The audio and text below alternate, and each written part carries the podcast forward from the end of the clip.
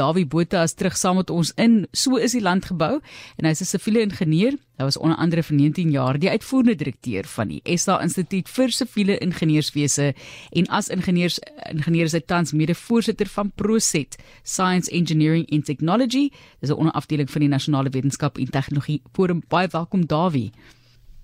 Baie dankie Marlies. Ek hoop jy trap klei en sand vandag. Kom ons praat bietjie want dis juis iets waarop ons gefokus het nou die dag, uh, die impak van modder en klei as dit kom by die bou van paaie en brûe, groot uitdaging. Ons het gefokus op die Richards Bay hawe en dit is vandag wat ons na kyk, juis hoe word 'n gebou gebou bo op sand en klei, ons paaie ook. Was hom atleet. Ek wil net vir jou sê, ek is nie baie lief vir die koninklikes nie, maar ons het tog baie jare gelede 'n televisie gehuur terwyl ons in KwaZulu-Natal vakansie gehou het om daai huwelik van Charles te kyk. Ehm um, so los dit nou maar daar, hoor. Ehm um, die sand van die see het natuurlik vir ons almal 'n bekoring en en baie van ons onthou altyd iets van 'n seevakansie in sandkastele bou. Nou uh Ignatius sê vir my hy wou ook lugkastele. Nou ja, ons sal net maar wonder wie wie se kasteel gaan die langste staan. En daardie golfies wat so aankom en ons is jou kasteel sommer vir eendag grafies ook sommer see toe as jy nie oppas nie. En ek moet vir jou sê ek grawe nog graag gate by die see en kyk wat gebeur, wat maak die water. Maar uh, die die golwe is maar meestal kry hulle oorhand vir jou konstruksie daar. En so bou ons nou nie met ons land nie, maar ons maak ook foute want ons versteur die natuurlike orde en ons kom soms heel laaste met daardie geveg. Soos byvoorbeeld langs die Natalse kus met die uh, avonds waar ons gedurig moet met sand pomp maar kom ons kyk net 'n bietjie daar. En vir ons ingenieurs is 'n verstaan van sand om op te bou en sandbeweging is baie belangrik en daar langs die kus soos ek sê is dit 'n baie groot faktor Ek dink Werner het nou die dag so 'n bietjie daaroor gepraat, maar ek gaan net weer daaroor ook vertel. Nou die bekende Mosambiek stroom vloei suidwaarts langs die kus, maar direk langs die seekus, langs die land, is daar weer 'n noordwaartse teenstroom en die vervoer elke jaar miljoene tonne sand noorde kant toe. Nou die sand word normaalweg aangevul deur sand wat uit ons riviere spoel Maar nou het ons ook al uh, oral damme gebou en die water kom nie meer so goed af van ons riviere nie en natuurlik kom die sand nie saam nie. Met ander woorde die aanvullings word word bietjie minder. En dit versteur die balans. Maar nou gaan daardie sand noorde kant toe en hy loop vas in die hawe mure. Nou vir die van u wat nou daar by die see al 'n paar keer was, weet die die hawe die hawens word beskerm deur see mure. Nou aan die suidekant kom die stroom nou van van die suidekant af en dan loop die sand daar vas. En dan uh, beteken dit natuurlik dat daar sand opbou. Maar aan die noordekant uh word die sand weer verder uh, noord gevoer want die seestroom bly noordloop.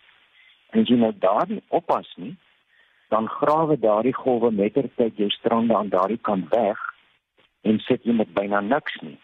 Nou die oplossing wat wat daarvoor gevind is en is omtrent die enigste manier wat jy dit kan doen is om die sand met baggerbote suid van die hawemure op te suig en dan weer aan die noordekant te gaan loslaat. Die die groot uitdaging is dat dit vir 24/7/365 moet gebeur. Nou by Durban gaan die baggerboot daar by die bluf aan lê uh, en uh, of ander kan die bluf in die see lê en dan suig hy net die sand op en dan gaan hy hawe toe en dan laai lê nou weer daar aan pomp hulle die sand in 'n dam en daarvan gaan 'n sandpyplyn al die pad langs die mooi strande af want dit dit beteken dat daai strande nie gaan verdwyn nie. Dat dit by Richards Bay word dieselfde gedoen, maar dit lyk vir my daar word nie genoeg sand gepomp nie. Want daar noord van die hawe mond stort die duine so stadig maar seker in see, onder andere as gevolg van die wegvoer van die strande se sandstrook En by 5 myl strand is daar selfs nou 'n vuurtoring gevaar. Mens kan dit nogal met die lugfoto's baie mooi sien. Maar ons wil ook dit dit baie graag naby die see bly en baie van ons bou huise op sandduine.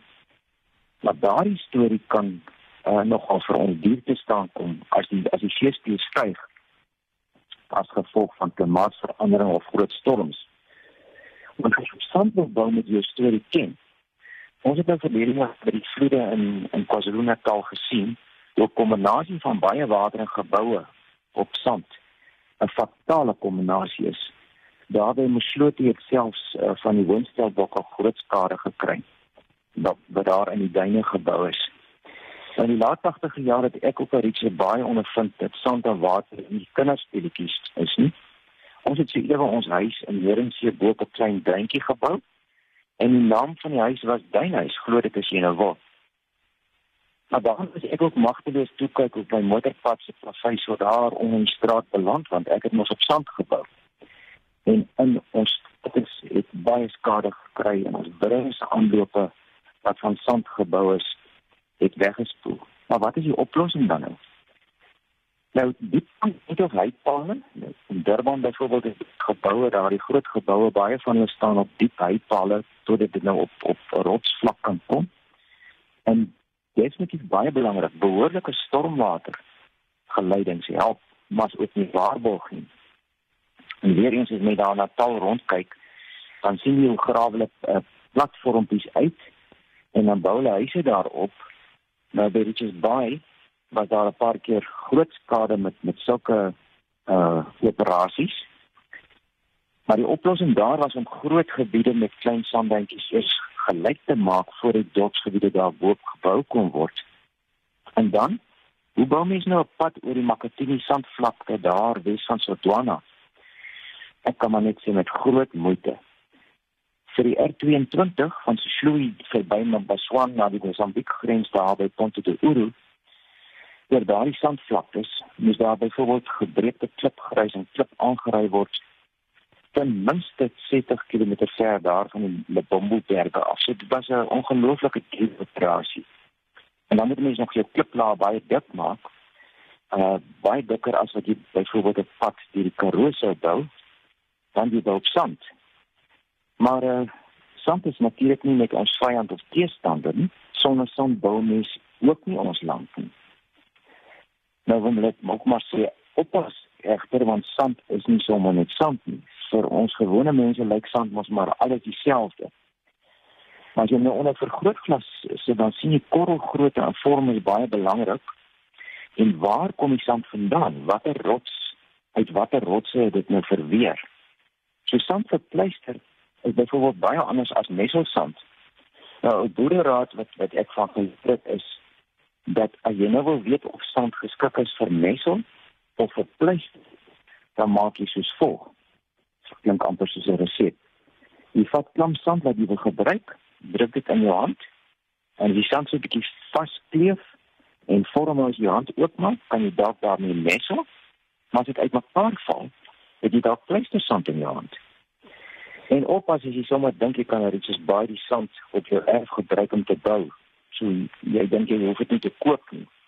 Want daar's waarskynlik ander sout, onder andere sout in daardie sand en dit gaan vorentoe vir jou baie moeilikheid in jou messelwerk maak.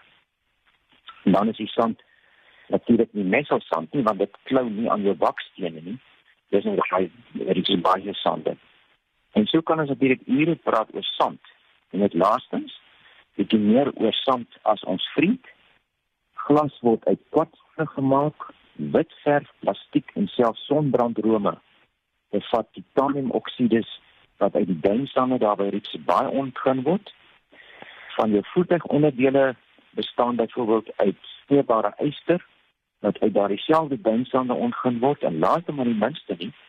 Drop dan hier seker ringe met zirconia steen is nou ek wil amper sê kunst diamant noem dit mense dit. En dit word uit die sande by iets baie gemeen. Uh en die zirconium word ook gebruik in keramiek en het 'n bestaande bedekkings dalk in jou pan waarmee jy eiers bak. Nou ja, so ten slotte. Sand is nie net sommer sand nie. En mens moet mooi kyk waarmee jy besig is as jy as jy uh, met sand deur mekaar raak.